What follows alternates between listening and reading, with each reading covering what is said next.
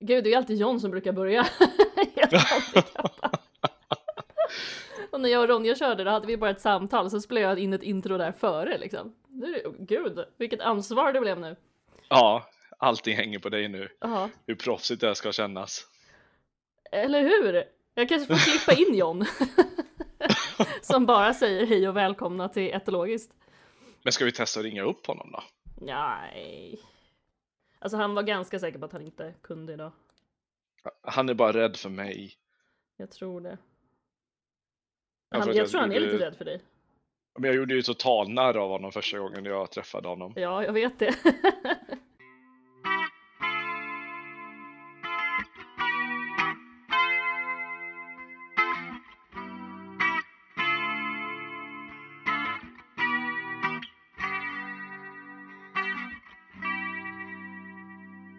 Då får väl jag börja då. John är inte med idag. Nej, för han kunde inte Nej. och han är rädd för Simon har vi konstaterat. Ja, jag... Mm, för idag har, jag, idag har jag med mig Simon.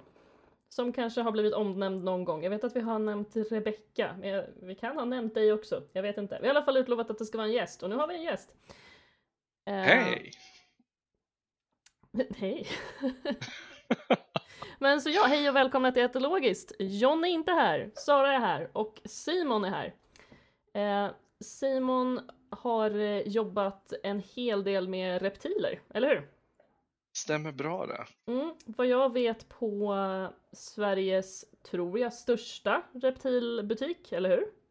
Ja, det är väl garanterat Sveriges största.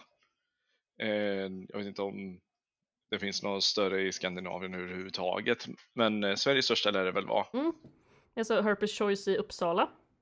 Eh, rekommenderas ett besök om man är, har vägarna förbi, verkligen. Eh, du har också jobbat på Furuvik flera år. Djur, Ja, två år jobbade jag där. Djurpark, Eh, för den som inte vet. precis.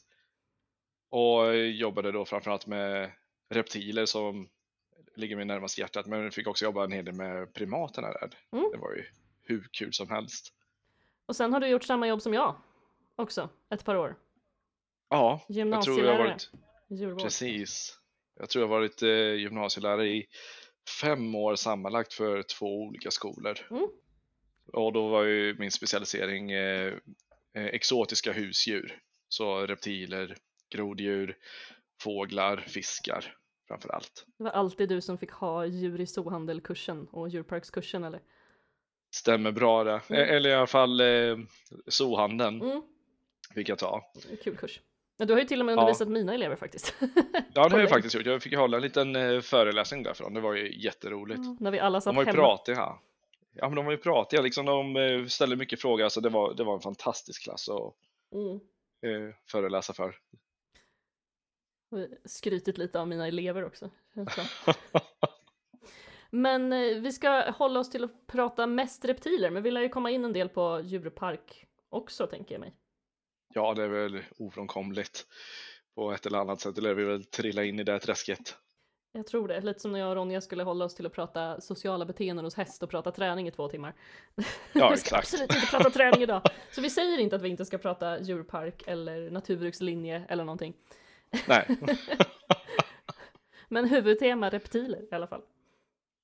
Precis, precis. Så ja, Mm. vad vill du säga? Eller vad vill du, vad vill du höra? Jag vet inte. Det går, det går att klippa också. Anar inte hur mycket jag får klippa John. det här kommer jag också Bara det, klippa bort. bara, det, bara det han säger eller klippa John? Nej, han, han klippa skägget då i så fall. Oh, just det, det levde ju saker i hans skägg sa han ju. Ja, du har hört det avsnittet. första ja. Ja, ja, jag eh, jobbade i, i någon vaktkur då, så hade med mig högtalare och lyssnade. Det var ju helt fantastiskt. Jag har haft insekter i skägget, va? Vi börjar med att försöka hålla oss lite till generellt eh, reptil som husdjur då. Ja, Så får vi se lite vad vi, vart vi, vad vi glider in på efterhand. ja men exakt. Vi börjar back to basic innan vi börjar snacka om eh, hur man sköter om giftormar och stora ormar och stora ödlor. Men så om man nu vill skaffa sig en liten eh, reptil att ha som husdjur. Vad, Mm. vad ska man tänka på? Om man inte vet någonting, vad behöver man, vad behöver man veta om sitt djur? Eh, det jag brukar säga till att börja med det är eh, hur stor plats har du? Mm. Börja där. Säg att du har en plats för ett terrarium som är en meter långt och en halv meter djupt och kanske en halv meter högt. Eh, då, då vet du hur stort du, eh, du kan ha, då så kan du avgöra där, ja, hur stor kan djuret vara Mm. i så fall? Och sen så, vad vill du helst titta på? Vill du ha lite ökenlandskap? Vill du ha lite, eh, lite regnskog? Vill du ha savann? Ja, det finns ju mycket som helst att välja mellan. Mm. Så kanske sen också så- lite välja då estetiskt efter hur man vill. Exakt, exakt. Eh, och sen så efter det så kan du tänka på de lite mer praktiska frågorna. Vad vill jag mata med? Det är till exempel en fråga som jag fick jätteofta på när jag jobbade på Herper Choice. Det var ju, måste jag mata med insekter eller måste jag mata med det här? Kan jag ge det här istället? Mm. Och nästan varenda gång var ju svaret nej. Nej. Eh, du kan inte ge ormar ett vegetariskt alternativ för att du tycker det är äckligt att ha gnagare i frysen. Nej. Inget äpple där inte. Nej, nej, och jag har haft den diskussionen lite skrämmande många gånger att varför kan vi inte ge dem det? Då kommer vi in på evolutionsbiologi och så här istället. Mm. Varför äter Eh. du själv inte gräs liksom? Ja, ja men eh, jag tog ett exempel att om du testar att äta sten och bark en månad så får vi se hur du mår. Mm. Och, och de sa, men det kan ju inte jag äta. Så, nej, precis, därför kan inte du ge det till en orm Nej. heller. Så. Eh, men i alla fall de, de praktiska frågorna så ser jag, ja, de flesta som jag snackade med på Herpershow som, eh, som vill börja gick igenom allt det här och då slutar det oftast med att de ville ha en orm för det var det är smidigt med maten i alla fall om du håller dig till typ majsorm eller liknande Mm. som äter hela gnagare. Det är hur praktiskt som helst att ha det i frysen. Mm. Folk är väldigt, tycker väl att det är lite läskigt att ha döda djur i frysen. Vilket är, på sätt och vis kanske är lite märkligt med tanke på att det är ingen som är rädd för att ha korv och fläskkotletter i frysen. Jag tänkte precis säga det. Ja, Att de flesta äter eh, säkert kött. ja men exakt.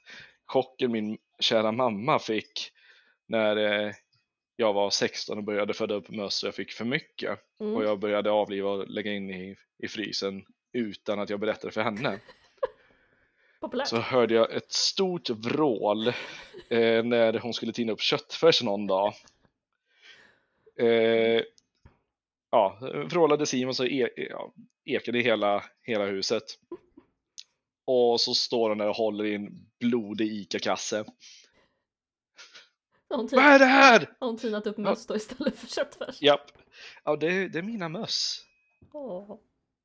Ja, det, jag fick ett eget fax sen. Hon var väldigt, väldigt snäll min mamma. Jag, jag började med att jag inte fick eh, skaffa en enda orm. Eh, och så började jag på gymnasiet och eh, bodde på internat på naturbruksskola och i djurhuset där födde man ju upp ormar som elever kunde få köpa. Mm. Och mamma säger du får inte komma här med en enda orm. Och hittade ett kryphål, det var ju, jag fick inte- komma här med en enda orm. Så kom hem med två. Jag kom med 11. Till hennes stora förtjusning. Och för att inte tala om fågelspindlarna och skorpionerna också. Mm. De var hon också Eh. förtjust i eller? Nja, nja. Eh, det vart väl lite diskussion där. Och så sa jag till mamma att eh, mamma om jag kom hem med 11 fotbollar och skulle tycka om att spela fotboll, hade du tagit dem ifrån mig då? Och där knäckte jag henne, kan man väl säga.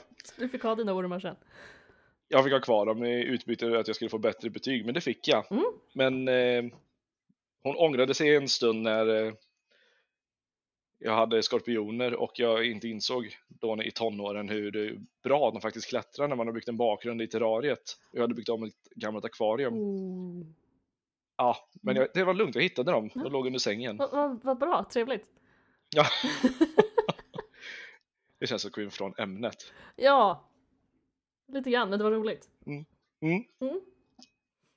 Men eh, i alla fall, eh, det är jätte, jättesmidigt. Eh, om vi istället sen går in på sådana som ska käka insekter. Mm. Det behöver inte vara så himla svårt heller, men om du ska göra helt rätt för det så ska du ge så stor variation på insekter som du bara kan. Mm. när jag hade som mest variation på mina foderinsekter, då hade jag 12 sorters kackerlackor, jag hade två sorters syrsor, jag hade diverse larver, tropiska gråsuggor, kubanska gråsuggor och det var lite allt möjligt. Men om du ska kolla på vad en insektsätande reptil äter i det vilda så är det en bråkdel gentemot vad de får i sig där. Mm. Ofta brukar man ju typ kanske ha en eller två arter som man köper och matar med. Ja men exakt, vanligast är väl antingen kackerlacka, då vanligtvis dubia, eh, eller syrsa, alltså, alltså kom, ger man lite mjölmask och så fåbas lite titt som tätt. Mm, precis. Och mjöl, mjölmask, alltså mjölmask är ju i stort sett fett. ett hårt skal med fett. det är ju absolut hur man kan eh, variera med det. Men inte Men, som. Eh, nej, nej, nej, nej, det skulle jag inte köra på jag slängt in massor med mjölmask till eh, min eh, kapvaran, men han är ju lite över en meter nu och om man får i sig tio mjölmaskar på en dag så spelar inte det så mycket roll. Nej, han är stor alltså. Han är stor. Han har en tredjedel av vardagsrummet här. Mm. Ja, han är cool. Jag har sett honom. Ja. Han är lite läskig. Det är en jävla drake i vardagsrummet. Ja, men jag köpte honom för att arten var så himla känd för att vara lugna. Men jag fick väl en individ som inte var lika lugn. Mm. Piskar med svansen gör han när de blir sura, eller? Piskar med svansen så in i gör han. Och eh, han är, rusar i alla fall inte fram och ska bita, men eh, håller man på lite för mycket och han blir missnöjd och så gör han lite halvhjärtat utfall mot handen ibland. Mm. Men så brukar han Eh, kolla läget lite så, så går han därifrån. Men behöver jag komma för nära då svansen flyger och far. Inte en art att börja med kanske? Nej, gud nej. Om man är Absolut intresserad inte. av att börja med reptiler. Om man ska börja med någon eh, ödla av lite större slag mm. eh, men fortfarande nybörjare så skulle jag säga runt en halv meter i så fall. Mm. Inte större än så de flesta så stora rör på sig väldigt, väldigt mycket också. Alltså det kommer, vi kommer säkert komma in och snacka lite om det också, att, vi har, att det är lite traditionellt att man underskattar hur mycket reptiler rör på sig. Ja, att man tror att de bara ligger och väntar. Ligger där och typ. bara är. Men okej, då har vi Men... bestämt, först så vill man bestämma sig för om man vill ha insekter hemma eller inte. Ja, exakt. Det är en bra början. Eh, eller ja, möss många... i frysen. Eller råttor i frysen. Ja, exakt. Många vill ju ha vegetarianer också. Mm. Vad har man att välja på då? Man... Alltså det så, jag brukar rekommendera då, det är, är dabbagam, mm. för de inte blir så himla stora. Brukar, folk brukar ju höra talas om, om, om de här stora gröna, sådana då. Grönlegam, det var min första reptil när jag var sex eller sju år. Jag ville ha en eh, leopardgecko, men mina föräldrar tyckte det var äckligt med insekter, så istället så köpte de en ödla som var då 40 centimeter och var 1,70 när vi fick göra oss av med den och kostade vi två sjukhusbesök. Mm. De blir jättestora.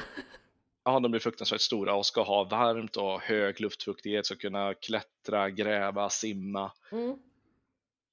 Nej, då är dabbagam ett betydligt bättre alternativ tycker jag. Mm.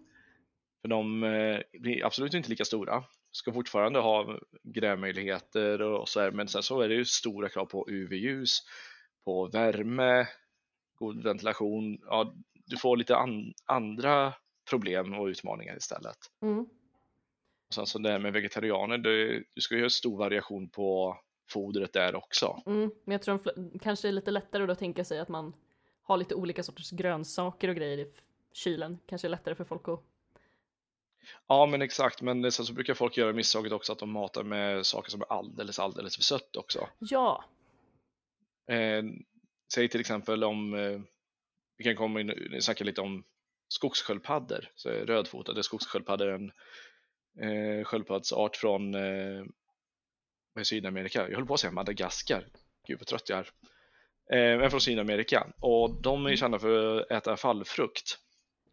Men eh, jag skulle aldrig mata med eh, frukt som jag köper i, i butik.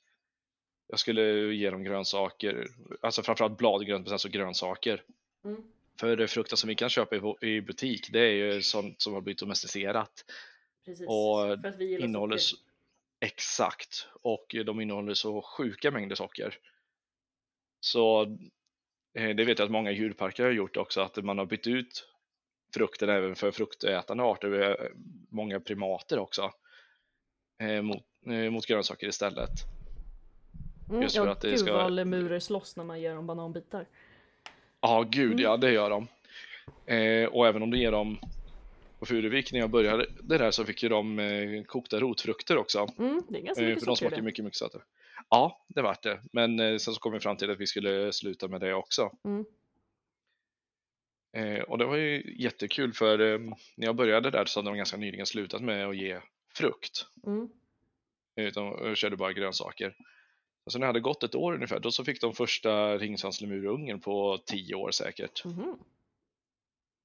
Alltså det bara var en tillfällighet eller om det hade med fodret att göra, det ska inte jag uttala mig om. Men det var väldigt bra tajmat om inte annat. Mm. Nej men det är väl bra att tänka på med alla djur även om man har små håriga djur. Ja, absolut, absolut. Så gör jag med eh, när jag har fått upp eh, gnagare och så här till, till foder. Eh, se till att de får ja, men grönsaker, de ska inte ha så mycket frukt. Lite som vi som- berikning kanske så här extra. Lite Ja, men lördagsgodis. exakt. Typ. Ja, sen så om jag har eh, till, haft en tillväxtbur med hanar som jag vet ska gå till foder.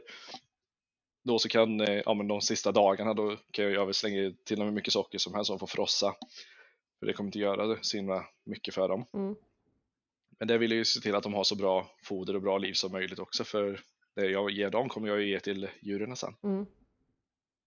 Ja, precis, det måste man ju tänka på också oavsett om man... De flesta föder kanske inte upp sina egna möss om man har reptil. Nej, nej det är väl, de flesta gör väl inte det. Och när jag, jag och en kompis, vi eh, hade en hel del ormar som vi födde upp för, ja nu var det, sju år sedan kanske. Mm.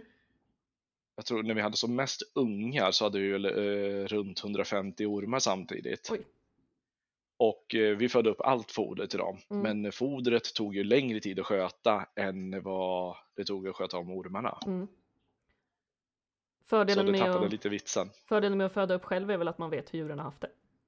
Dels, ja, dels det, Eh, vi vet att Också. de har haft det, vi vet att de har fått bra foder och eh, bra utrymme att röra på sig och så här. Och, men eh, det är ett jäkla jobb. Mm.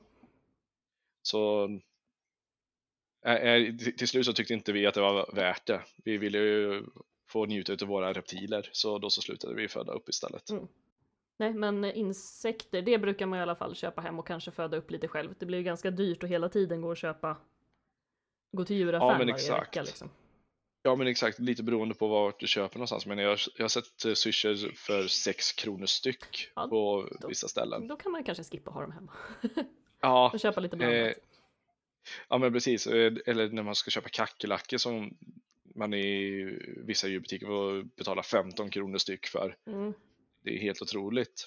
Eh, Medan du bara kan köpa, om säg, om du ska hålla på med dubia till exempel, en väldigt smidig kackerlacksart att föda upp Mm. som inte kan klättra på glas, som kan inte flyga eller någonting. Eh, köper du dyra sådana, 10 kronor styck, men du köper 10 stycken för, för 100 spänn och det är blandat hanar och honor. Du kommer få så jäkla mycket ungar till slut. Mm. Ja, de är inte svåra är att föda upp. Nej, se till att det, de har värme, gömställen, mat och vatten så kommer det gå hur jäkla bra som helst. Eh, när jag hade som mest kackerlackor, jag hade en hel del insektsätande djur men eh, jag visste inte vad jag, jag skulle göra av alla kackerlackor. Det kan man ju tydligen sälja till djurbutik dyrt då. Ja men exakt, men problemet det här är att butikerna vill inte betala ens en tiondel av vad de Nej. eh, säljer dem för. Sant. Försöka sälja Ja. själv.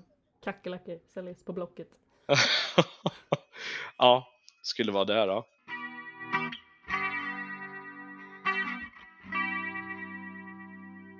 Men ja, då har man bestämt sig då om vad man kan tänka sig ha i frysen eller föda upp eller köpa syrsor eller vad man Mm. nu vill göra. Precis, och sen så får du gå in på hur mycket tid är du redo att lägga på skötseln? Mm. För dels är alltså den dagliga eh, skötseln och eh, det du gör veckovis, men sen så ska jag också tänka på att eh, de flesta reptiler blir ganska gamla. Mm. Det är väl kameleonter som kanske inte blir så himla gamla, men sen en leopardgecko som är väldigt vanlig att man börjar med, de blir ju i alla fall 15 år. Mm. utan att överdriva. Sköldpaddor ska vi Ja, det, det ska vi inte ens eh, prata om nästan. Det, det får vi vara beredda att skriva i sitt testamente. exakt Mm. med många arter. Säger jag med tre sköldpaddor där hemma. men, eh, men de kommer ju bli sjukt gamla. Men säg till exempel om du har ett regnskogsterrarie Mm. eh, och, du ska, och du har en ödleart som, ja men säg vi går in på vet du, ögonfransgeckos. De ska dricka vatten och så vill ju de ha vatten som man har sprayat på blad och, och grejer eller vatten som rör på sig i alla fall, ett litet vattenfall eller någonting. Nu du i alla fall duscha terrariet två gånger om dagen. Mm. Dels för att de ska ha någonting att dricka men också för att hålla uppe luftfuktigheten. Mm. Eh, är du redo att lägga den tiden eh, varje dag? Så, eller vill du vara lite bekväm och köpa ett automatiskt regnsystem? Mm. Eh, Är du redo att lägga ner, de pengarna på det? Alltså det är, det är så mycket mer man måste tänka på i, många, på många sätt Mm. med reptiler, i alla fall med miljön, Mm. än eh, om du ska kolla på till exempel marsvin och så här. Det var ju det många fick en chock utav och jag hade faktiskt en föreläsning, eh, jag tror det var den jag körde med dina elever, Mm. jag jämförde grundläggande skötsel för en hamster och sen grundläggande skötsel för en eh, leopardgecko. Mm. Och leopardgeckon hade en, väl dubbelt så många olika behov. Mm. Ja, det är inte så ofta vi pratar om åh, jag måste kolla att mina marsvin har rätt luftfuktighet. Nej men precis, och så kommer vi också in på det här, det här var ju leopardgecko, liksom en art som lever i torra områden, men har, kör du torrt och varmt i hela terrariet så kommer den dö Mm. tids nog. Ja, det är inte bara torrt och varmt i torra och varma klimat. Det finns ju små exakt, mikroklimat med fukt och... Exakt, kommer vi att snacka om mikroklimat ja. Mm. För, för om vi kollar en solig dag i Afghanistan där leopardgeckon lever, eh, vad kan det vara i solen då? 40 grader. Mm. Eh, 40 grader och stekande sol. Ja men perfekt, vi ser att det är så här i det vilda, då har vi, kör vi samma sak i fångenskap här. Och då så kommer du steka din leopardgecko till döds. Mm. För vad gör de när det blir för varmt? De sticker ner och gömmer sig under stenar och grejer. Där det dels är svalare, men där finns ju också betydligt mer fukt. Mm. Och det är därför det är så himla viktigt att eh, vi förser dem med fuktiga gömställen i fångenskap också. Mm. Man ser ju jätteofta eh, ödlor som eh, ska ha klor men som saknar klor för att eh, de inte får av sig allt de som stryper blodtillförseln ut till eh, fingertopparna och sen så till slut så ramlar ju klorna av. Mm. Precis, jag tror jag och John pratade i något avsnitt om det här med att ömsa. Mm. Ja men precis. Eh, berätta kort, alltså de flesta har väl hört om öms någon gång, men berätta kort, varför gör de det? Hur går det till? Ja men det är ju att eh, deras eh, gamla skinn det, det blir för trångt, det är dags att byta. Och då så har ju alla sett, eh, eller alla ska, ska vi inte säga, men många har sett att bilder och filmklipp på ormar som blir gråa och blir gråa dassiga över ögonen Mm. och så. Det är för att de får en gråaktig vätska mellan gamla huden och nya. Mm. Eh, och sen så efter en period så går den tillbaka och den ser lite klarare ut. Och sen så tar det ytterligare ett par dagar och, och sen så ömsar de. Mm. Eh, så det är väl extremt kort om öms kan vi säga. De kan ju ömsa av lite olika anledningar också men det var den extremt korta Mm. versionen. Och fukten är viktig för att det ska funka, eller hur? Exakt, för eh, blir det för torrt så den torkar in i, i huden kan man väl säga. Så när ormar ömsar så ska de ömsa hela skinnet i ett stycke. Men det som kan ske om man har för torrt, det beror oftast på att det är för torrt. Eh, att de bara kan få av vissa delar eller vissa får inte av skinnet överhuvudtaget. Och då är vanligaste botemedlet att man lägger dem i ett, eh, i ett bad med ljummet vatten. Eh, en halvtimme, 40 minuter eller någonting. Mm. Eh, och sen så får man av det. Men eh, problemet, grundproblemet här är ju att du har haft fel miljö i terrariet. Det är den vanligaste orsaken. Jag ska inte säga att alla öms ömsningsproblem beror på det. Mm. Men eh, det är vanligaste eh, orsaken som sagt. Mm. Vad ska man Eh. mer tänka på i terrariet då? Eh, jag tänker vi brukar inte köpa UV-lampor och värmelampor så mycket till typ våra marsvin och kaniner heller. Nej men precis. Och, eh, och om vi, ska börja, vi kan börja med att pr- att prata olika temperaturzoner innan vi går in och börjar prata belysning. Och belysningen kommer jag ta väldigt, väldigt kort för det skulle jag kunna sitta och Ja. prata om galet länge. Okej, ja men då kan vi väl gå utifrån det. Okej, det var 40 grader i Afghanistan och sol. Ja Eh, men Vill exakt. den ha något ställe där det är 40 grader och Afghanistan Ja. och sol? Ja men exakt, för det är det som är lite fördelen med att ha dem i fångenskap. Vi kan ge dem valmöjligheten. Vi kan ju ha optimal soltem- alltså solningstemperatur i ett, ena änden av terrariet, men också optimal sval zon i andra änden av terrariet, Mm. så man kan få välja hela tiden. Sen så får, eh, reptiler i det vilda får ju suga upp värme på lite olika sätt.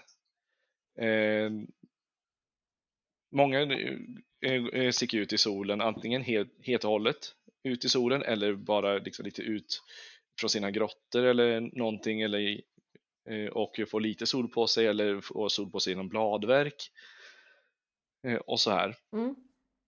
Eh, Medan andra kanske kommer fram mer eh, efter solen har gått ner och lägger sig och värmer sig på varma stenar. Mm. Här brukar det bli en eh, liten missuppfattning när jag eh, pratar om den här olika typer eller olika sätt som reptiler kan värma upp sig på. För eh, då är det många som säger om en leopardgeckos ska ju absolut ha värme underifrån. Mhm. För de kan inte hantera värme på något annat sätt. Mhm. Och det är ju jätte, jätte skitsnack. Okej. Ja, för man tänker att Ja. den är nattaktiv, eller hur? Och då tycker man att Ja, den exakt. Uppsöker då- saker där de- solen har varit. Precis, de behöver inte ha något UV-ljus, de behöver inte ha be- behöver knappt ha någon belysning alls. Jag har hört folk som kör med bara ett lysrör och det räcker gott och väl. Okej, vi går in och pratar om belysning. Vi gör det. Mm. eh, det är jätte, jätteviktigt för reptiler att de får en väldigt tydlig dygnsrytm. Oavsett om de är dagaktiva eller nattaktiva, de måste ha en naturlig dygnsrytm. Mm. Eh, och eh, nattaktiva replier kommer behöva ha ordentlig dagbelysning också för att de ska eh, se tydligt att det är dag, Mm. natt. Och det skulle vara Ehm. som att vi hade det ljust hela, hela dygnet. Så Ja, skulle inte vår exakt. hjärna fatta att vi skulle sova. Nej, precis. Och eh, det är det här som är väldigt omdiskuterat. Hur stark belysning ska vi ha? Mm. Och eh, jag gick på en eh, föreläsning för några år sedan med Francis Baines, heter hon va?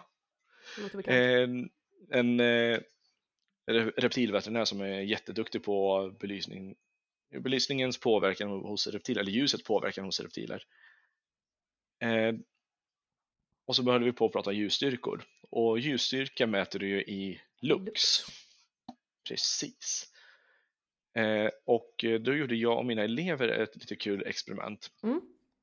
Vi kollade, vi hade luxmätare så kollade vi hur eh, många lux det var i våra terrarier. Mm. Och, och jag kommer ihåg från eh, våra grekiska landsköldpaddor där eh, belysningen inte riktigt kom, kom åt. Det var i, i något hörn någonstans. Det var det runt 400 lux Mm. och under sollamporna så var det runt 10 000 lux. Mm.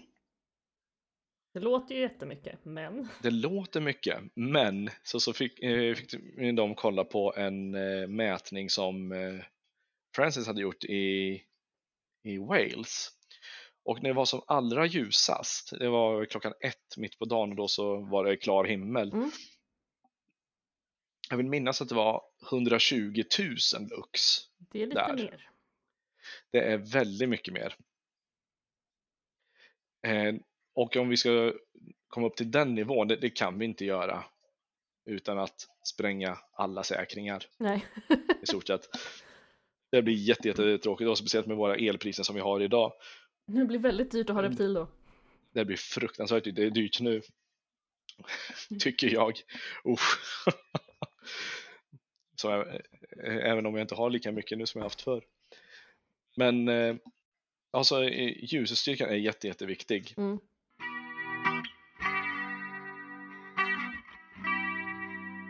Och sen så kan vi gå in och eh, prata om UV-ljus också. Mm. Och eh, UV-ljusets vara eller icke vara. Det, vissa säger att alla reptiler behöver UV-ljus, andra säger att det väldigt få arter som be behöver UV-ljus. Vissa säger att det är styrt efter kosten, vissa säger att det är styrt efter dygnsrytm och hört alla, allt möjligt, Mm. alla möjliga ursäkter till att inte ge reptiler UV-ljus. Leopardgeckos så har jag fått höra att eh, om man har UV-ljus till dem så steker man deras ögon. Mhm. Vilket är, eh, det är en myt vi kan ta död på direkt nu, det stämmer inte alls. Allting handlar givetvis om mängd. Mm. Och sen är det väl olika UV, det är UVB vi vill ha. Man brukar dela in det i tre kategorier, eller hur? Ja men precis, A, B och C. UVA, UVB och UVC. Och UVC vill vi inte ha, det är det vi får cancer av. Precis, Mm. precis. Så det är UVB som eh, hjälper till, som eh, gör så att eh, reptilerna tar upp eh, D-vitamin som i sin tur hjälper till med kalciumupptaget. Precis som hos oss. Ja, Mm. exakt. Eh, och hur mycket UV man ska ha, det beror ju väldigt, väldigt, väldigt mycket på art. Du får kolla, det här är upp till varje djurägare att forska hur lever min reptil Mm. och hur solar den?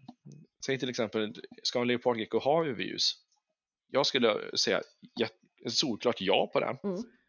Det är solklart. Men, haha, no pun intended. Men som sagt, allting handlar om mängd, så du kanske inte ska ha samma mängd UV-ljus till en leopardgecko som du har till en dabbagam. Och då så finns det ett jättesmidigt sätt att eh, mäta det här på, och det är Ferguson-zoner. Mm. Och då så brukar man prata om zoner 1 till 4, Mm. om inte jag minns helt fel här nu.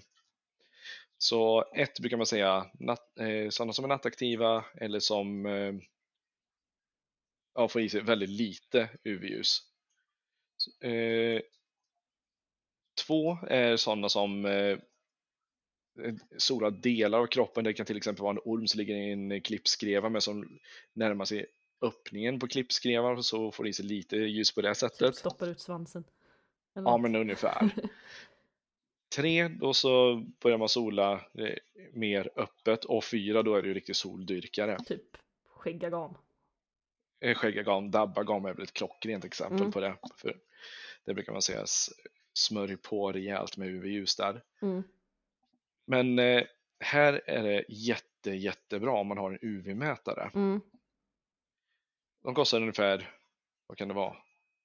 3000 kronor tror jag. Men det, vilken fantastisk investering det är. Ja, vi kan ju inte se om UV-ljuset tar slut. För Precis. det, är ju ofta, det... Det, har vi ju märkt att vissa lampor håller längre än andra och sådär. Eh, Ja, det kan vara exakt ut- samma märke. Liksom, Mm. Om du har tio lampor av exakt samma märke så kommer de räcka olika länge. Det kommer ge ifrån sig olika mängder också. Mm, för det synliga ljuset, det kommer ju fortsätta långt efter att UV-ljuset Oh, ja. har slocknat och det kan ju inte vi se. Exakt. Så det, en UV-mätare är helt fantastisk. Och när eh, jag hade köpt nya lampor till eh, UV-lampor till min varan, Mm. Dexter. Då så tog jag en UV-mätare bara för att kolla vilken, ja, hur, hur det såg ut. För jag tänkte det här ska funka skitbra på papper. Mm. Men vi pratar om eh, Ferguson-zonerna och eh, han ska väl ligga mell- mellan 3 och 4. Så ganska mycket sol då.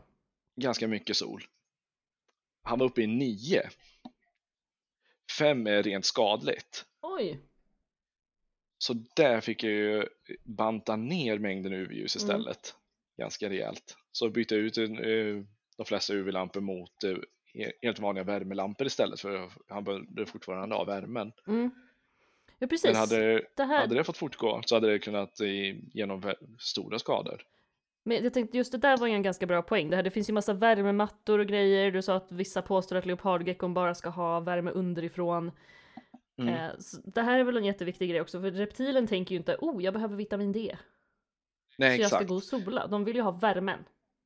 Exakt, eh, och, men eh, många reptiler kan ju även se UV-ljus. Mm. Och man har ju gjort tester på, jag kommer inte ihåg exakt vad det är för arter, men jag vet eh, Jeff Lem, en amerikansk herpetolog, Förlåt. du suger, Suger lem. Ja, det här ska vara med va? ja kanske. Nej, det tycker jag inte. Det, Nej, Tänk om något fan till honom lyssnar. eh, men han är väldigt duktig på att föda upp varaner. Han har även forskat en hel del om cykluror, alltså klippleguaner. Mm. Hela det här släktet. Och han eh, berättade på föreläsningen jag var på att eh, han hade varanunge så körde han värmeplatsen med UV-ljus och värmeplats utan. Mm. Och uh, ungarna valde nästan varenda gång att lägga sig under UV-ljuset. Mm. Vad spännande. Så att då fattar de ändå att det, det där är rätt liksom. Ja men exakt. Eh, för eh, många reptiler kan ju se UV-ljus. Mm. Vi ser, eh, på många dagaktiva ödlor så kan vi se det tredje ögat som de har mitt på huvudet. Som kan eh, känna av ljusstyrkor utav. Det är coolt. Men eh, det är jättehäftigt. Eh, men sen så eh, säger, säger, säger även vissa att, man, eller att de kan se UV-ljus med det ögat. Alltså om det är just med det ögat så ska inte jag säga om det stämmer eller inte. Men att de kan se UV-ljus det är Mm. väl väldigt konstaterat. Det var lite Mm. spännande. Men det säljs ju också värmelampor utan UV. Eller hur? Ja exakt. Och det är Eh, ju- Så det kanske gör man behöver förstärka upp då. Lite som du där, att du behövde mer värme men inte mer UV. Ja men precis, om vi kan gå in och snacka om det också.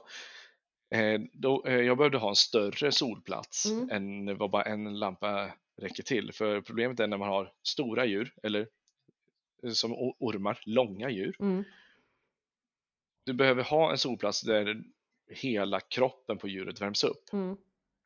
För det som händer annars, så säg om jag skulle köra på en lampa till Dex, han är ja, men lite över en meter. Jag har en lampa och det vär- värmer upp från hans framben till hans bakben.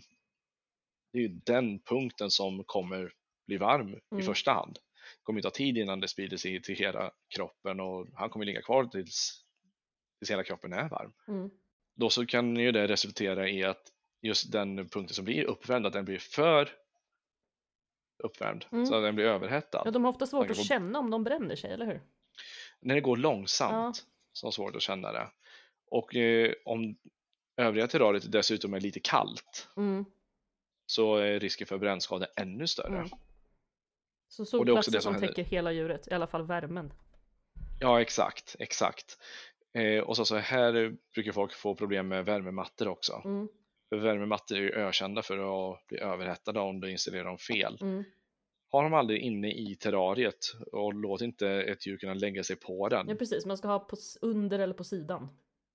Precis, jag brukar eh, köra när jag väl använder vär- värmemattor under, men då så måste det vara ett mellanrum mellan terrariet och värmemattan. Måste luften måste kunna röra på sig.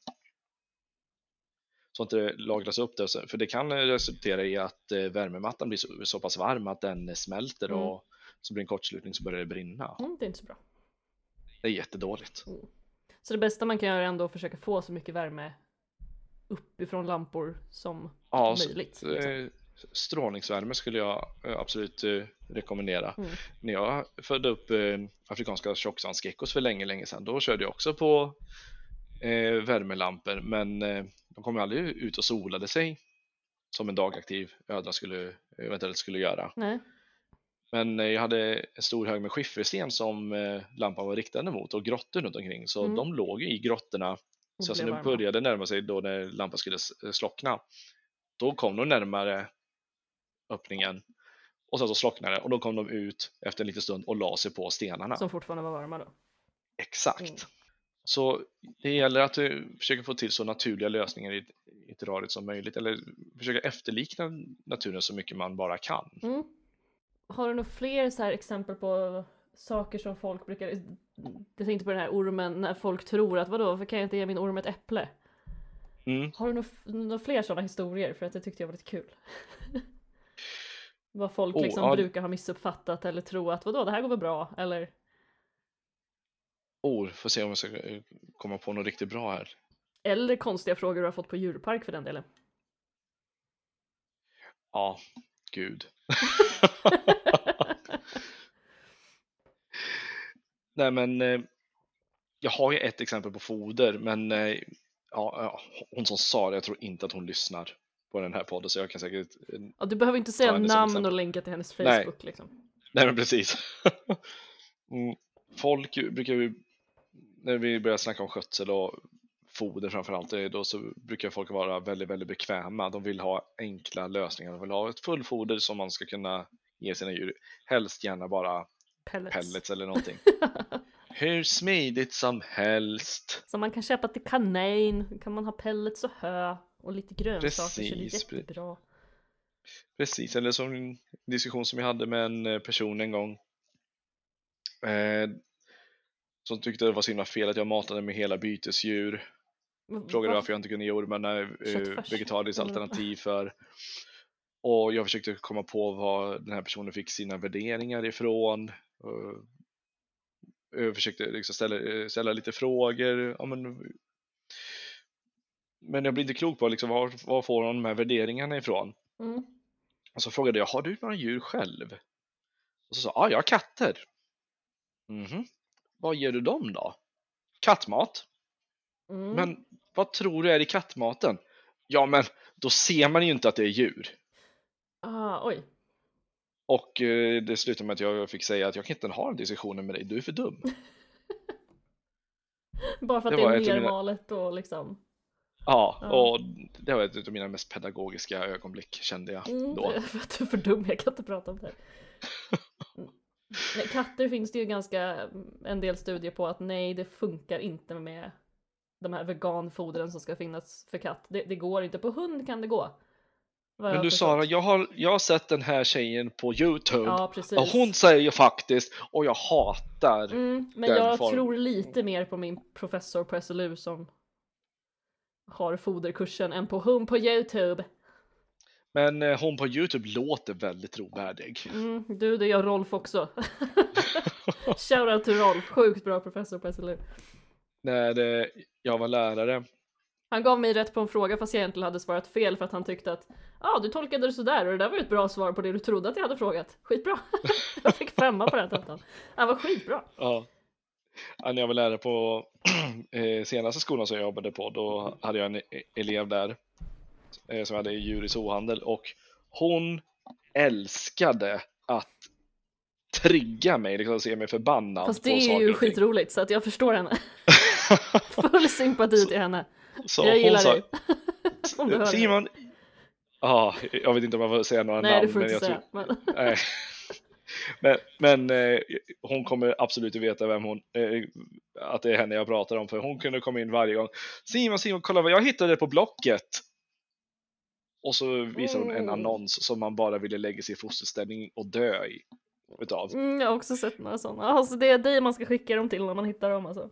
Nej! Fast vi har ju också en sån här stående grej. Varje gång jag åker och handlar på en viss restaurang så får ju du bilder.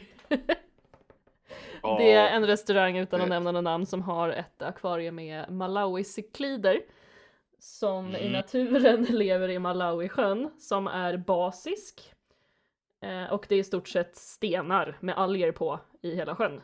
Det är inte så mycket växtlighet. Eh, restaurangen har eh, typ mangroverötter, tror jag det är som alltså gör det väldigt surt. Så det är helt fel habitat för den här arten egentligen. Och eh, sen ska man komma ihåg med akvaristik egentligen att det är så här, att- att pH är stabilt är ju det allra, allra viktigaste. Eh, fluktuerar det så är det ju värre, men man bör ju försöka anpassa det efter arten så att det är ju inte helt rätt att ha mangroverrötter till malawisiklider. Men det är så Skulle roligt att se hur arg Simon blir varje gång jag skickar bild på det här akvariet. Vi kan ju också lägga till att akvariet ser helt jävla fruktansvärt ut också. Eh, ja, det gör det. De har gömställen, men egentligen ska man ha en sida som är täckt också. Så att, Mm. eh, Jag vet inte riktigt hur det funkar. Alltså egentligen, restauranger som har Nej, de behöver inte ha tillstånd för offentlig förevisning, det är undantaget. Jaha, De behöver inte följa djurparksföreskriften och paragraf 16 och sådär och ha tillstånd.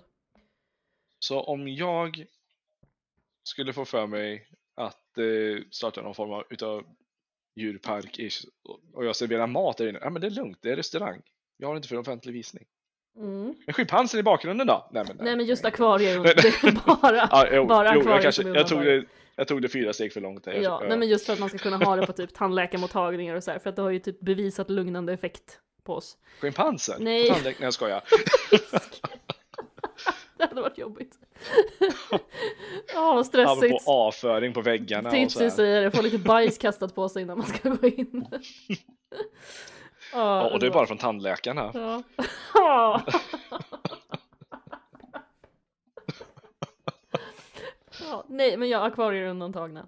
Det är de. Ja, Och så behöver du inte ha, och finns det tillräckligt med gömställen behöver du inte ha de där tre täckta sidan, eller den där täckta sidan. Eh, så att Mm, men här var tyvärr tror jag faktiskt att det här skulle bedömas som att de har tillräckligt med gömställen. Om eh, man Ja, men- anmälde. ja men Ehm. eh, jag tror inte att kompetensen bland våra eh, kära djurskyddsinspektörer eh, är särskilt hög när det kommer till akvaristik och Nej, det tror inte jag Eh, heller. Det brukar inte vara så bra på reptiler överlag. Jag var, när jag jobbade på Nordens ark. Eh, nej, Mm. det var inte när jag jobbade. Det var när jag var där och skrev mitt exjobb och tränade röda pandor som satt och stirrade på mig i ett träd och inte ville komma och äta. Och Mm. inte ville komma och träna med mig. Eh, jag vet att där har han faktiskt en sån här fortbildningskurs för just djurskyddsinspektörer. Eh, så det är en Ah. av eh, herptilsnubbarna där, Kristoffer är det väl, som har den, tror jag.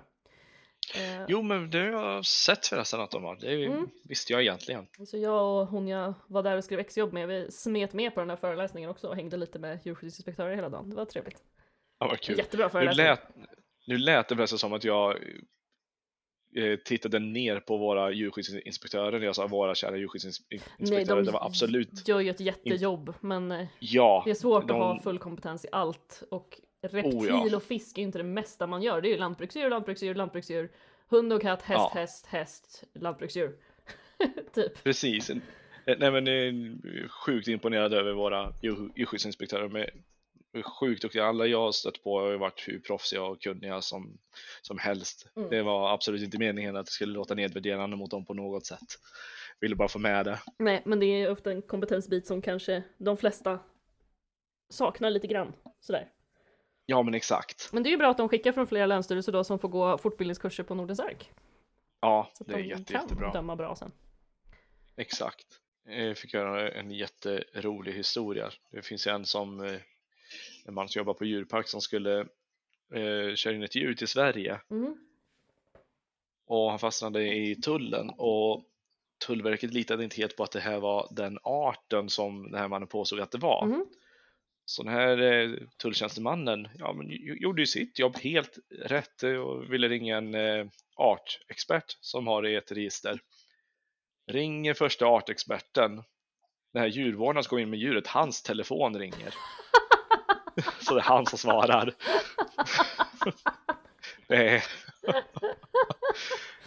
Om, jag, om jag hade jobbat som tulltjänsteman jag hade varit så jäkla övertygad. Ja, okej Okej. då. Jag tror dig. Nej, det är väl säkert helt rätt om man är osäker. Där kan man inte heller förvänta sig att tullen har stenkoll på exakt varenda reptilart. Nej men precis, jag tänker bara på alla de här palmhuggormarna som finns i, i Sydostasien där. Att se skillnad på alla dem, det är sjukt svårt. Så nej, det är ingen tulltjänsteman som kommer försöka grotta sig ner i det. Palmhuggor. Då behöver vi våra experter. De var fina. Jag var tvungen att googla. Jätte, jättefina. Ja, alltså reptil är ju på inget sätt mitt expertisområde. Det... Det är väl, jag ska inte säga expertis, eh, alltså expertisområde, men det jag kan mest i alla fall. Ja. Så humble. Ja, nej. Det hade varit kul att fördjupa sina kunskaper lite mer och börja plugga. Men eh, tyvärr så är inte jag välkommen på S- eh, till SLU för att jag är lite för dålig på matte. Mm, ja, man ska gärna ha, vad är det, matte 4 om man ska gå etologi djurskydd. Man ska ju ha det. Alltså där men, får du ju eh, faktiskt inte lära dig så mycket om reptil. Det är ju väldigt mycket fokus även där på lantbruksdjur, sällskap, alltså andra, det, Ja. andra sällskapsdjur. Men, men Ja. jag tycker samtidigt att jag kan låta ganska kaxig när jag har när jag som i, i min roll både på djurpark och eh, på skola har fått eh, utbilda djurskydds, äh, blivande djurskyddsinspektörer. Eh, och eh, det är de flesta som tar examen från etologi och djurskydd jobbar med det, är jobba på djurpark eller som djurlärare. Det jobbar du redan med. Det har jag redan jobbat som och jag har inte ett enda högskolepoäng där. Så jag var bra sugen på att höra av mig till programansvarig och säga hej, jag jo- jobbar redan med det som era stu- studenter drömmer om. Snälla, kan jag få vara med ändå? Mm. jag har ringt till Klaso. Ja, men Tyvärr är det det- väl jättebyråkratiskt. Ja, och jag tror att Claes skulle idiotförklara mig totalt. För det hade jag också gjort om jag hade fått ett sånt samtal. Ja. Få ta tag i matten. Men du har ju fan en flickvän som är veterinär, hon kan väl matte 4? Hon, hon kan ju matte 4 och hon är väldigt duktig på att lära ut. Det är synd bara att hon har så trögt material att jobba med kan vi väl säga.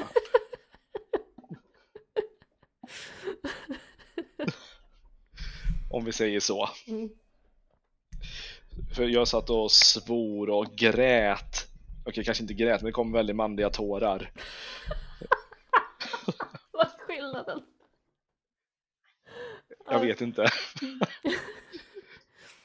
eh, och eh, jag försökte, hade försökt förstå mig på det där bra länge och så skickade jag över det till- tjejen och bara Kolla! Det här är helt omöjligt! Hur fan ska man fatta det här?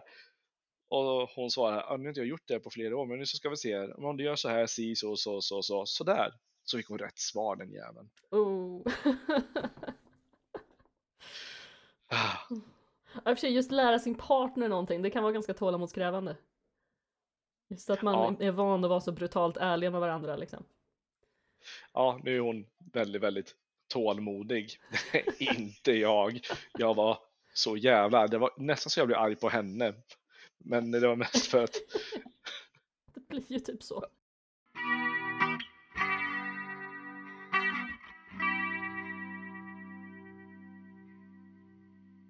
Men har du någon mer sån där historia som du kommer på som kan vara kul?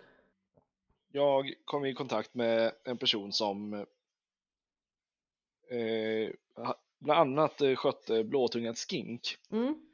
Professionellt, eller hur? Och, ja, Mm. dessutom. Eh, Blåtungade skinkar det är en ödleart från Australien, en omnivor, det vill säga allätare som får ju eh, äta från både djur och växtriket. Vi gick igenom vad, vad de fick för foder Mm. Och ville ha lite tips om skötsel så började, kom vi in på foder så snackade. Grönsaksväg såg helt okej ut. Eh, Mycket bladgrönt kompletterat med grönsaker. Fick även en hel, en hel del frukt visade sig men det, det sa jag att det kan man slopa. Sen vet jag inte om man gjorde det. Animaliskt Mm. så var det väldigt mycket eh, mjölmask. Mm. Mycket fett alltså. Ja, hårt skalbefett. Det är liksom, jag, jag ska banta, jag tänker bara äta friterade saker med ost nu. Fy fan vilken bra bantningskur, den vill jag ha. Det, det är liksom Edvard Bloms eh, bakiskur. Han kör tre sorters smältost eller vad det nu är. Mm.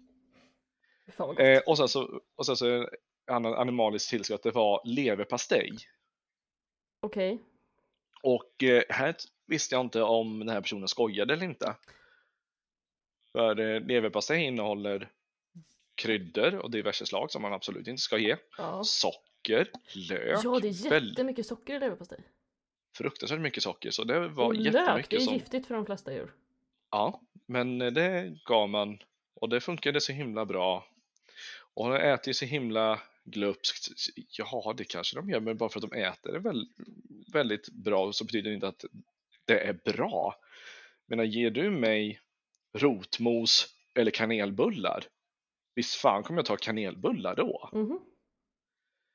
Alltså alla djur Men- är väl gjorda för att jaga snabba kalorier, för att snabba kalorier finns det väldigt ont om egentligen i naturen.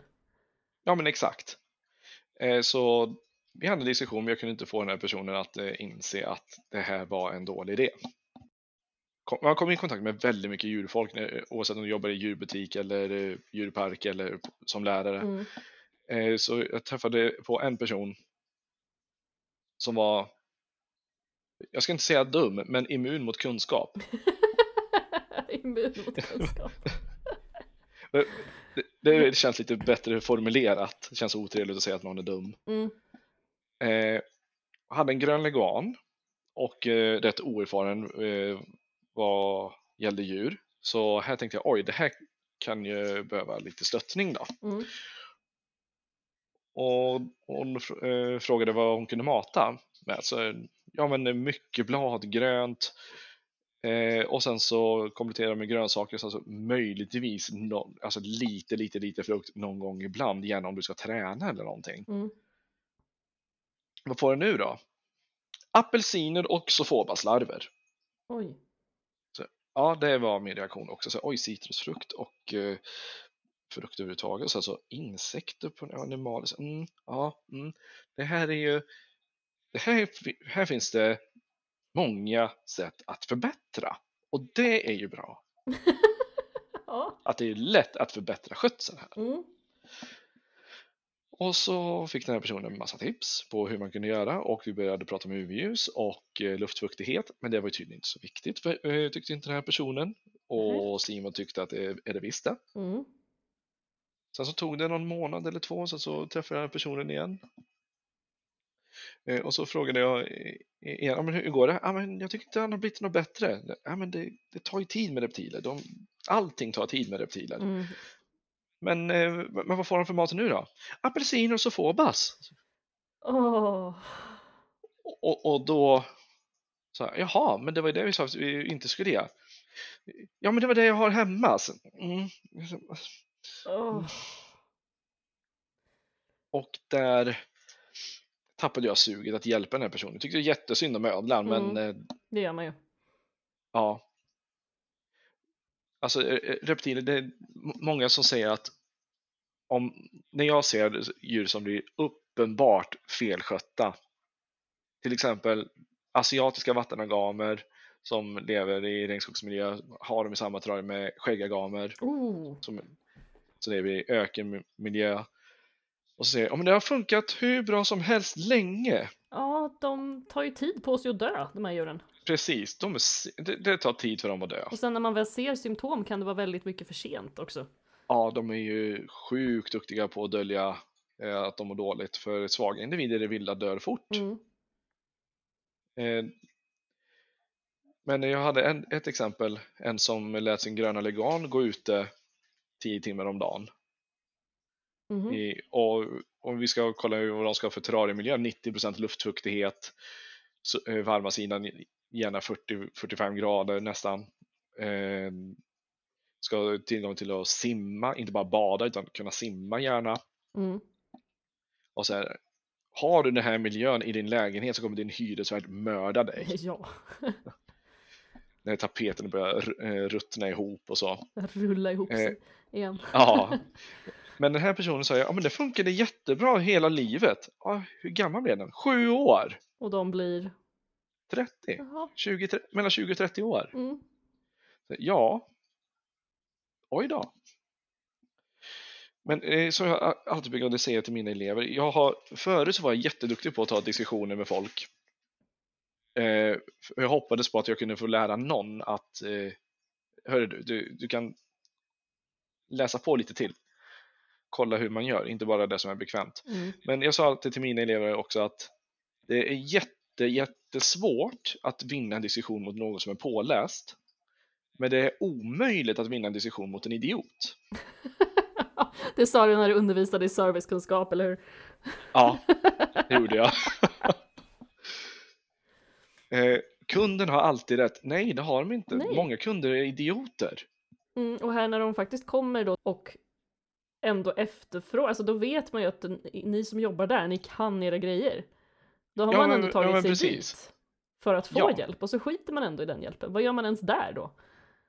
Nej, det är det som är lite läskigt. Alltså nu så 99,5 procent, om inte ännu mer, är ju helt fantastiska och lyssnar jättebra Mm. på tips. Det är den här lilla, lilla bråkdelen som man kommer ihåg, va? som Mm. det, så le, leder till intressanta historier i efterhand. Eh, som kommer in, ber om råd och tips, men eh, när man ger råd och tips så passade det inte riktigt in deras... med det som de tyckte var, ja, Mm. i deras livssyn eller som de tyckte var smidigt. Nej, det här låter li- lite för besvärligt. Mm. Jag tänker fortsätta med det jag gjort innan. Jag tror säkert att det är det, bara för att komma tillbaka till ett uttjatat ämne i den här podden, som kanske styr både häst och hundträning också. Att så här, det finns vetenskapligt bevisade metoder som är bättre än att slå djuren. Ja, precis. Eller Herregud. dra i hårt i tyglar och böja nackar. Men det är jobbigt att ställa om, jobbigt att erkänna att man faktiskt har skadat sina djur och börja om. Ja. Det är skitjobbigt, jag har ju också gjort den resan. Ja, men alltså det, Men- man måste vara ödmjuk för alltså det, det jag ser eh, eller såg, det var vanligare för bara ett par år sedan, men det var ju Snakebites TV, racksystem och så här. Eh, när man eh, föder upp eh, kungspyton och så. Man har djur i små lådor för de tycker om att leva trångt. Mm. De vill ha, att hela liksom, deras livsutrymme blir som ett gömställe. Det, när jag började med reptiler, det lät jättelogiskt för mig. Mm. Men det låter ju Jä- logiskt. Ja, jätte, jättelogiskt. Det som var tur dock, det var att jag Eh, kom, kom i kontakt med personer som eh, har, har ja, dels hållit på länge, men bara för att man har hållit på länge betyder det inte att man gör rätt. Men de här var väldigt, väldigt vettiga. Och eh, de var också alltid ute efter att lära sig mer och då fick man ju höra talas om artiklar och så här och då, då fanns det en artikel som, jag kommer inte ihåg vem det var som skrev det, men man hade gjort någon studie, man hade kollat eh, stressnivåer hos reptiler som levde i helt steril miljö, det vill säga med tidningspapper som bottenmaterial Mm. och en plastskål och kanske ett gömställe gentemot sådana som levde i, i naturtrogna terrarier. Och det fanns ett tydligt eh, stresspåslag hos de som levde i en steril miljö. Eh, och sen så kan vi kolla på alla andra fördelar med att ha djur i större och naturtrogna terrarier, att de klättrar. Vi har många eh, arter som man klassar som marklevande Mm. som inte behöver ha klättermöjligheter men som väldigt gärna klättrar. Vi kan kolla på kungsboa till exempel. Eh, som eh, klassas som en marklevande art. Eh, men eh, klättrar väldigt, väldigt gärna. Ge- Kom, ger de klättermöjligheter så kommer de klättra. Jag såg en diskussion eh, bara häromdagen på Facebook. Det var någon som påstod att eh, det, att det inte stämde, men eh, och, och då får jag slut på argument. Du, om man kollar, hur lever de i det vilda? Klättrar. Om du ger dem klättermöjligheter i fångenskap och du inreder Exakt, och, och, det, och om vi utgår från att du inreder rätt, det vill säga inte bara har en gren högst upp som är helt utsatt, utan se till att det är mycket eh, Liksom de ska ha fortfarande ha tillgång till att kunna ligga lite skyddat och så här. De kommer klättra. Garanterat.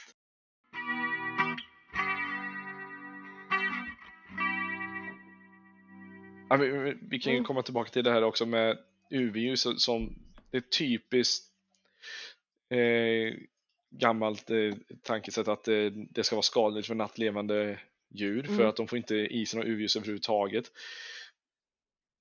Men- jag säger s- som Francis när det kommer till UV-ljus att måste mitt, min art ha UV-ljus för att överleva?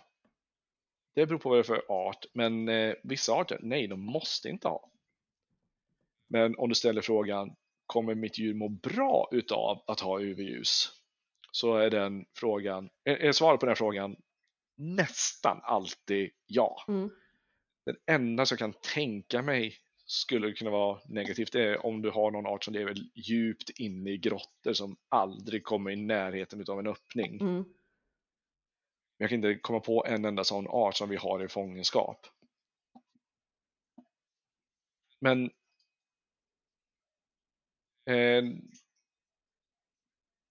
det var när jag kom i, kom i kontakt med sådana här eh, personer som det var ju väldigt mycket djurparksfolk Mm.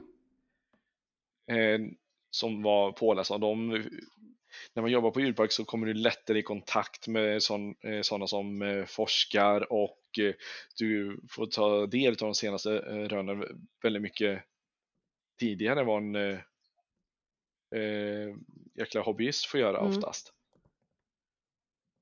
Det var jätteguld för mig. Och det var det som fick mig att inse att eh, det kom ifrån det här med att ha det så sterilt som möjligt för bakterier var jättefarligt. Och eh, det är här som jag kom in på det här med veterinärer att det finns de som är jätteduktiga och fruktansvärt, fruktansvärt pålästa. Eh, och sen finns det de veterinärer som inte är pålästa och erkänner det och sen så finns det de som inte är pålästa men vägrar erkänna det. Ja, men lite så. Eh, och jag såg ett klockrent exempel, det var en eh, grön leguan. Det är mycket om gröna leguaner känner jag nu. En, en grön leguan som hade fått ett sår på magen, jag kommer inte ihåg hur det var, men hade varit i steril miljö, karantän, bra länge, det var ju två månaders tid eller någonting. Men ville inte riktigt läka. Mm. Så tänkte man till slut, nej men vi släpper tillbaka en i stora inhägnaden med ja, det var andra eh, leganer där, för det var en plats som tog emot eh, ja, bland annat leganer som folk tröttnade på. Mm. Eh, och kom in i det terrariet där det hade klättermöjligheter, bra miljö, UV-ljus. Det hade även i, i karantänterrariet, men inte lika stort. Och eh, i visningsterrariet så hade de dessutom bra simmöjligheter och sådär. Mm. Eh, och, och läkte på två veckor. Ja. ja, nej men det diskuterade jag och en kollega häromdagen att det har vi ju lärt oss nu att aldrig mer sterilt utan då, då får det vara. Ja, det, de gångerna kör jag med sterilt fortfarande, det är när jag får hem ett nytt djur Mm. och de ska in i karantän. Säg till exempel om eh, jag köper in en ny orm. Så det första jag gör när jag kommer hem det är att lägga den i ett bad ifall den har kvalster. Eh, och sen så in i no någon steril miljö. Det kan till exempel vara en liten orm, en hammarplastlåda med, eller ett glasterrarie som är lätt att göra rent. Tidningspapper i botten och så mycket gömställ, äggkartonger och allt möjligt. Eh, bara för att se ett par veckor, kan jag hitta några kvalster?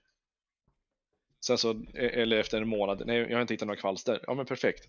Då får de fortsätta vara i karantän, men nu inreder vi det lite mer naturligt. Mm. Jag måste absolut korta perioder när det är så här försvarbart liksom. Ja, exakt. Eh, kan det ha varit från en bok med massa samlade artiklar? Eh, just det här med naturalistic versus clinical environment.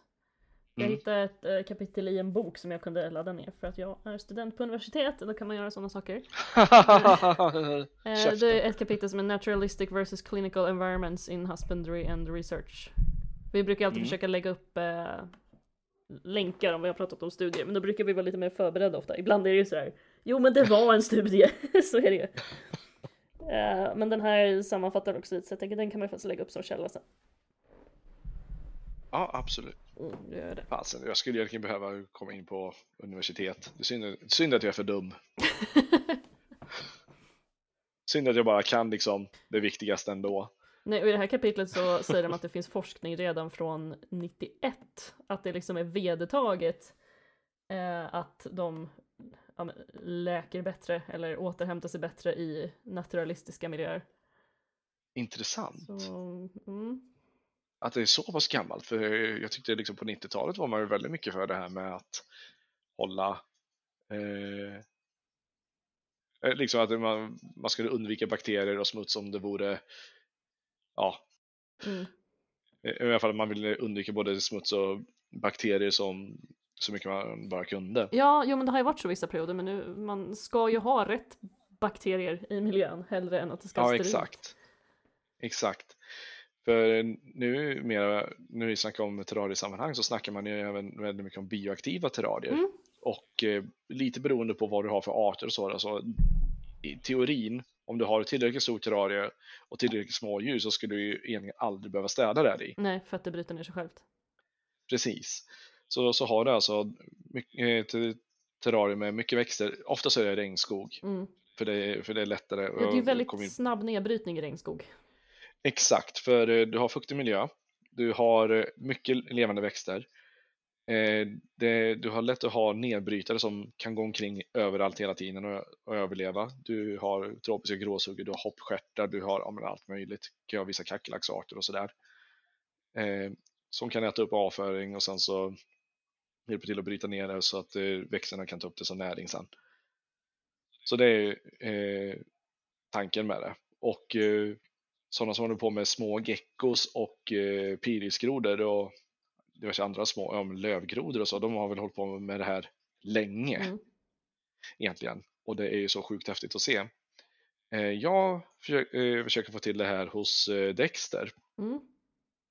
Det, och det som är svårast där, det är om vi har några som jobbar med stora ödlor som lyssnar på det här så kommer de kunna relatera till det här. Men det här med att hålla växter vid liv. Mm, den är kul. Det, det kan Den jag är relatera till som inte har ett enda terrarie. Ja, Jag har bara växter som jag kommer ihåg att vattna någon gång ibland. ja men jag har en palmliknande växt som har överlevt men nu börjar den se ledsen ut. Men jag har planterat, jag har en Benjamin ficus också. Hade inte Men- Dexter grävt upp något du hade planterat? Förut? Jo, det var Benjamin ficusen. Jag liksom, här, nu passar den jättebra. Så kom jag dit, låg upp och ner i stort sett. Hela rotsystemet var ju upp. Så, Jättekul, vad jättebra berikning var det. Jo, det, det var det ju. Men så grävde jag ner ända ner till botten, har ganska djupt bottenmaterial. Ner med växeln så har, han, har växeln stenrös runt omkring nu. Han flyttade omkring på lite stenar men sen så lät han den vara. Men det hindrar inte honom på över en meter att klättra i den här lilla vikisen som är en halv meter hög. Så den var en halv meter hög när jag planterade in den. Nu tror jag att den är 20 centimeter hög. Mm, bra. den är väldigt mycket bredare. Mm. Nej, så, eh, men jag har mycket tropiska gråsuggor, kubanska gråsuggor, sofobaslarver, mjölmaskar. Väldigt mycket sånt och eh, de, han lever i en torr miljö så det, vore, det blir svårare för dem att överleva med djupt bottenmaterial, mycket dött trä och grejer och sen så se till att eh, bot- botten alltid är fuktig. Mm. Översta lagret i bottenmaterialet det blir, torkar ju väldigt snabbt. Men gräver man ner bara ett par centimeter så blir det fuktigt Mm. direkt. Det ska aldrig vara blött, men fuktigt får det gärna vara. Inte blött. Kan du ta upp bottenmaterialet och krama och du, och du ser vatten eller ännu värre om det droppar, då har du dränkt det. Mm. Det har jag gjort Så med ska vi blommor inte ha ibland. Sånt som händer, men det är lite lättare att få ur vatten ur krukor än vad det är att få ur, ur ett terrarium som är på, jag vet inte hur många kvadratmeter. Mm. är min erfarenhet i alla fall. Så, eh, så det han gör när han, apropå det med mikroklimat, när han ska ömsa så här, då gräver han Mm. Och eh, bäddar ner sig i det fuktiga bottenmaterialet. Hur tjockt bottenmaterial har du till honom då? Eh, på det lite olika tjocklekar beroende på vart i terrariet du är. Mm. Eh, men som minst har jag 30 centimeter ungefär. Mm. Det är ändå rätt mycket, en linjal. Ja, det är tungt. Mm. Kul om ni ska flytta sen. Jag ska aldrig flytta. jo, det ska jag. Mm. För jag vill kunna ha, ha honom utomhus på somrarna också. Mm. Hus, Så- det bra. Kanske. Ja, så det, tids nog så blir det väl att man tänker om lite med arterna man håller så det är sådana som man kan hålla utomhus på, på somrarna i alla fall. Mm.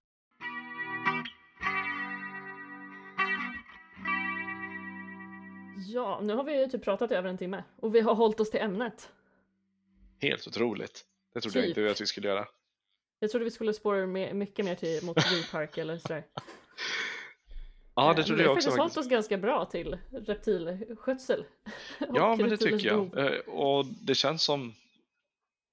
Alltså vi har ju täckt en hel del, men sen så när jag väl tänker efter så finns det så jäkla mycket mer man skulle vilja prata om, men det är svårt att få till det i bara ett poddavsnitt så här. Då tar vi fler. Det kan vi göra, vi kan ta fler. Ja, Du tänker så. Jag tänker så. Prata massa andra roliga saker. Får jag betalt om jag får, får vara med på fler? Jag tror att vi tjänar pengar på det här. Ja. Den dagen vi får betalt, absolut. Var det här en gratis grej alltså? Då får ni inte ni använda det. Nej, jag skojar. Välgörenhet! Jag har närt en kommunist vid min barm. Nej, det är inte så att vi bara tycker att det är kul och viktigt att få ut lite mer etologikunskaper i samhället och sådär. Ja, När det finns eh, folk som tycker att leverpastej är bra till blåtungad skink och sådär. ja, påminn mig inte. Eh, nej. Eller Eh. folk som har ensamma marsvin och inte har koll och... Ja, eh, herregud. Jag fick frågan en gång vad man ska ha för luftfuktighet till akvariefiskar. Och jag sa, Nej, det kan du inte ha fått. jo jag, får- jag fick det, så, så, sa jag, "Eh, jag är förvirrad, vad, vad menar du nu? Nej men hos reptiler så måste man ju tänka på luftfuktigheten, hur funkar det med fiskar? Ja, de lever under vatten. Och så är vi klara med det. Ja, utom slamkrypare då, de lever ju faktiskt lite på land också. Ja okej, det är väl det då. Mm. Vet du förresten vad det är för luftfuktighet under vattnet? Långt över 100 eftersom det är luft som löser sig i vatten och inte tvärtom. 60 procent. Mhm. Vet du hur jag vet det? I de små luftbubblorna eller? Det är orelevant, vet du hur jag vet det? Ja. Eh, Jag hade en luftfuktighetsmätare som eh, Ramlade ramlade, ner. ramlade ner i vattnet och då visade den 60 procent. Bytte du mätare efter det Jag kanske? bytte mätare. Ja. ja, nej, vi har ju, man har också, vi, vi har ju eh, egen mätare till alla eh, herptiler nu, Mm. eh, för smittskyddsskäl. Så. Eh, men det händer ju att de ramlar i jorden och får massa blöt jord på sig och så bara 99 procent! Ja, tycker du att det verkar rimligt? Nej, nej. Torka av den då och börja om. Ställa ut den ett tag. När jag gick i gymnasiet så hade jag en, eh, jag vet inte ens en klasskamrat, det var en som gick i en annan årskurs, men eh, som påstod sig vara jätteduktig med reptiler. Eh, och jag trodde inte riktigt på henne. Och jag fick det bekräftat när hon stod hos Kungsbytarna och skulle fukta. Då hade vi så här, vattenslangar som vi fukt, Mm. sprayade med. Hon stod och sprayade tills luftfuktighetsmätaren gick upp till rätt nivå. Så Mhm. när det var 4 centimeter vatten i botten, då var hon klar. Oh. Ouch. Du, har du sprayat bra nu? Ja, nu har det kommit upp till rätt luftfuktighet. Ja, Och du har gjort en sjö. precis. Så, du var jätteduktig. Så jag har inte lektion nu, men när du går ut så kommer jag göra om det här. Skulle- Borde få med John också, men han är lite rädd för mig. Ja, ja, det vore ju kul. Ska vi berätta varför John är rädd för mig? Vi, vi berättar varför, varför John är rädd för dig. Det var så här, jag hade börjat umgås med Rebecca för eh, ett par år sedan. Den omtalade Rebecca. Och eh, då så berättade hon om sin kompis John som inte tyckte om reptiler. så, eh, Sa att de var dumma och stilla, tråkiga. Ja, tråkiga framförallt. Så Ja. Kanske bara var tråkiga, kanske inte alls sa dumma. Det är bara jag som har förvärrat det här i mitt huvud för att Jag tror det. för jag ska rättfärdiga mitt beteende bättre. eh, I alla fall, han dyker upp med Rebecka till eh, eh, Furuviksparken när jag jobbade där. Och eh, då så tittade jag på honom och sa jag, ja ah, det är du som är John. Han eh, sa ja, lite nervös, lite skakig i halsen vill jag minnas. Han kommer säkert Åh, förneka det här det. känner jag igen från någon annan. Tyst med dig. Simon är nämligen rädd för mig också. Det här är ju nästan samma historia. Men ja, fortsätt. Fan. nu är du lite dum. Ja. Anyway. Ehm, och då så sa jag, "Ja, det var du som eh, tyckte reptiler var tråkiga. Så, ja. och så kollade han på Rebecca och sa, har, du- har du sagt det? Så sa jag till honom, nu så ska jag förklara för dig varför du har fel. Och så fick han en liten föreläsning där. Mm. En- Men den visade sig liksom att största problemet var att de var stilla och tråkiga. Mm. Och då frågade jag, mm, vad är ditt favoritdjur? Röd panda. Så, ja just det, de är ju Stilla och tråkig. överaktiva. ja men verkligen. Och eh, då var vi i närheten utav eh, eh, schimpanshuset. Och då kommer eh, en schimpansskötare fram, Rickard. Hörru Rickard, har du hört vad hans favoritdjur är? Nej, vadå? Röd panda. Bara Rickard började asskratta och gick därifrån. Och bara skakade på huvudet. Ja, det är Johns absoluta favoritdjur. Ja. Jag vet inte om det har avhandlats i podden än. Eh, när jag men- fick mitt exjobb och skulle träna röda pandor som exjobb eh, på etologi och djurskyddsprogrammet. Jag visste inte riktigt hur jag skulle berätta det här. Vi var, vi var lite tidiga till lektion, jag, John och två kursare, Rebecka var säkert med. Eh, och så säger jag att ja, jag har fått eh, bestämt med Nordens ark nu vad jag ska få träna för djur. Eh, och han, han säger ja, vadå då? Och jag bara nej, jag vill inte säga. och så han tittar på mig och bara röd panda. Ja. Jag, jag tror det var något som ungefär din jävel eller någonting.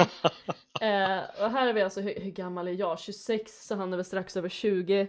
Eh, det var en extern föreläsare så det var inte ens någon så föreläsare som kände oss utan det stod någon stackars person där och skulle sätta upp datorer och, och få all tekniken att fungera med powerpoint och allting som inte kände oss alls. Alltså två fullvuxna elever har varit vuxna ett par år som springer runt och jagar varandra i klassrummet för att han var så upprörd. Ah, amazing, amazing. Alltså det är fruktansvärt söta djur men de sitter ju mest i sina trätoppar. Ja, ja. Nu så ska inte jag säga att eh, de flesta reptiler är säkert mer aktiva, men det finns i alla fall sådana som är aktiva. Eller hur? Nej, alltså den känslan när man står i regn, tittar upp i trädtoppen på en röd panda och bara kom och träna med mig, vi ska transportbursträna. Och de sitter och tittar på en och slickar sig runt munnen. Så man tänker ja, nu kommer hon snart, nu, nu, nu. Och sen stoppar de ner huvudet i tassarna igen och somnar om. när man har stått där en kvart. Alltså jag kan ju relatera till den känslan. Men eh, det är lite samma sak när man ska träna bomullshuvud tamariner om man tittar upp och tänker ja ah, men kom då, kom då och så möts man av lite kiss i ansiktet. Det är också en känsla. Ja, inte bara nej, jag kommer inte, kom, jag kommer inte komma och träna, jag tänker pissa på dig. Japp, Fantastiskt. Vet du, jag tror jag klipper in den här konversationen också. det tycker jag du ska göra. Jag tror jag sparar den. Nej, men efter jag började jobba på Furuvik så gjorde jag en eh, ganska intressant parallell. Eh, eh, Jag hade jobbat som fritidsledare i tre år Mm. och sen så började man jobba i regnskogen och, eh, i närheten av schimpanserna och märkte att det ganska likt att jobba som fritidsledare och att vara schimpansskötare. Mhm. Kan De är bortskämda, de är högljudda, de dunkar i väggar och du hittar avföring på både väggar och fönster. Det är ganska precis som på en fritidsgård. Jag tror aldrig jag hittat avföring på väggar och fönster på fritidsgården. Men det kanske du gjorde. I've seen some shit, om vi säger så. Jag hör det. Men då så, tack för idag. Tack för Eh, Och idag. tack för att du ville vara med. Tack för att jag fick komma. Och så får jag köra Johns avslutningsfras här också då. Eller du kanske vill säga den? Du kan få den stora äran. Okej, Mm. ha det bra och ta det kolugnt. Tack Simon. Tribute to John.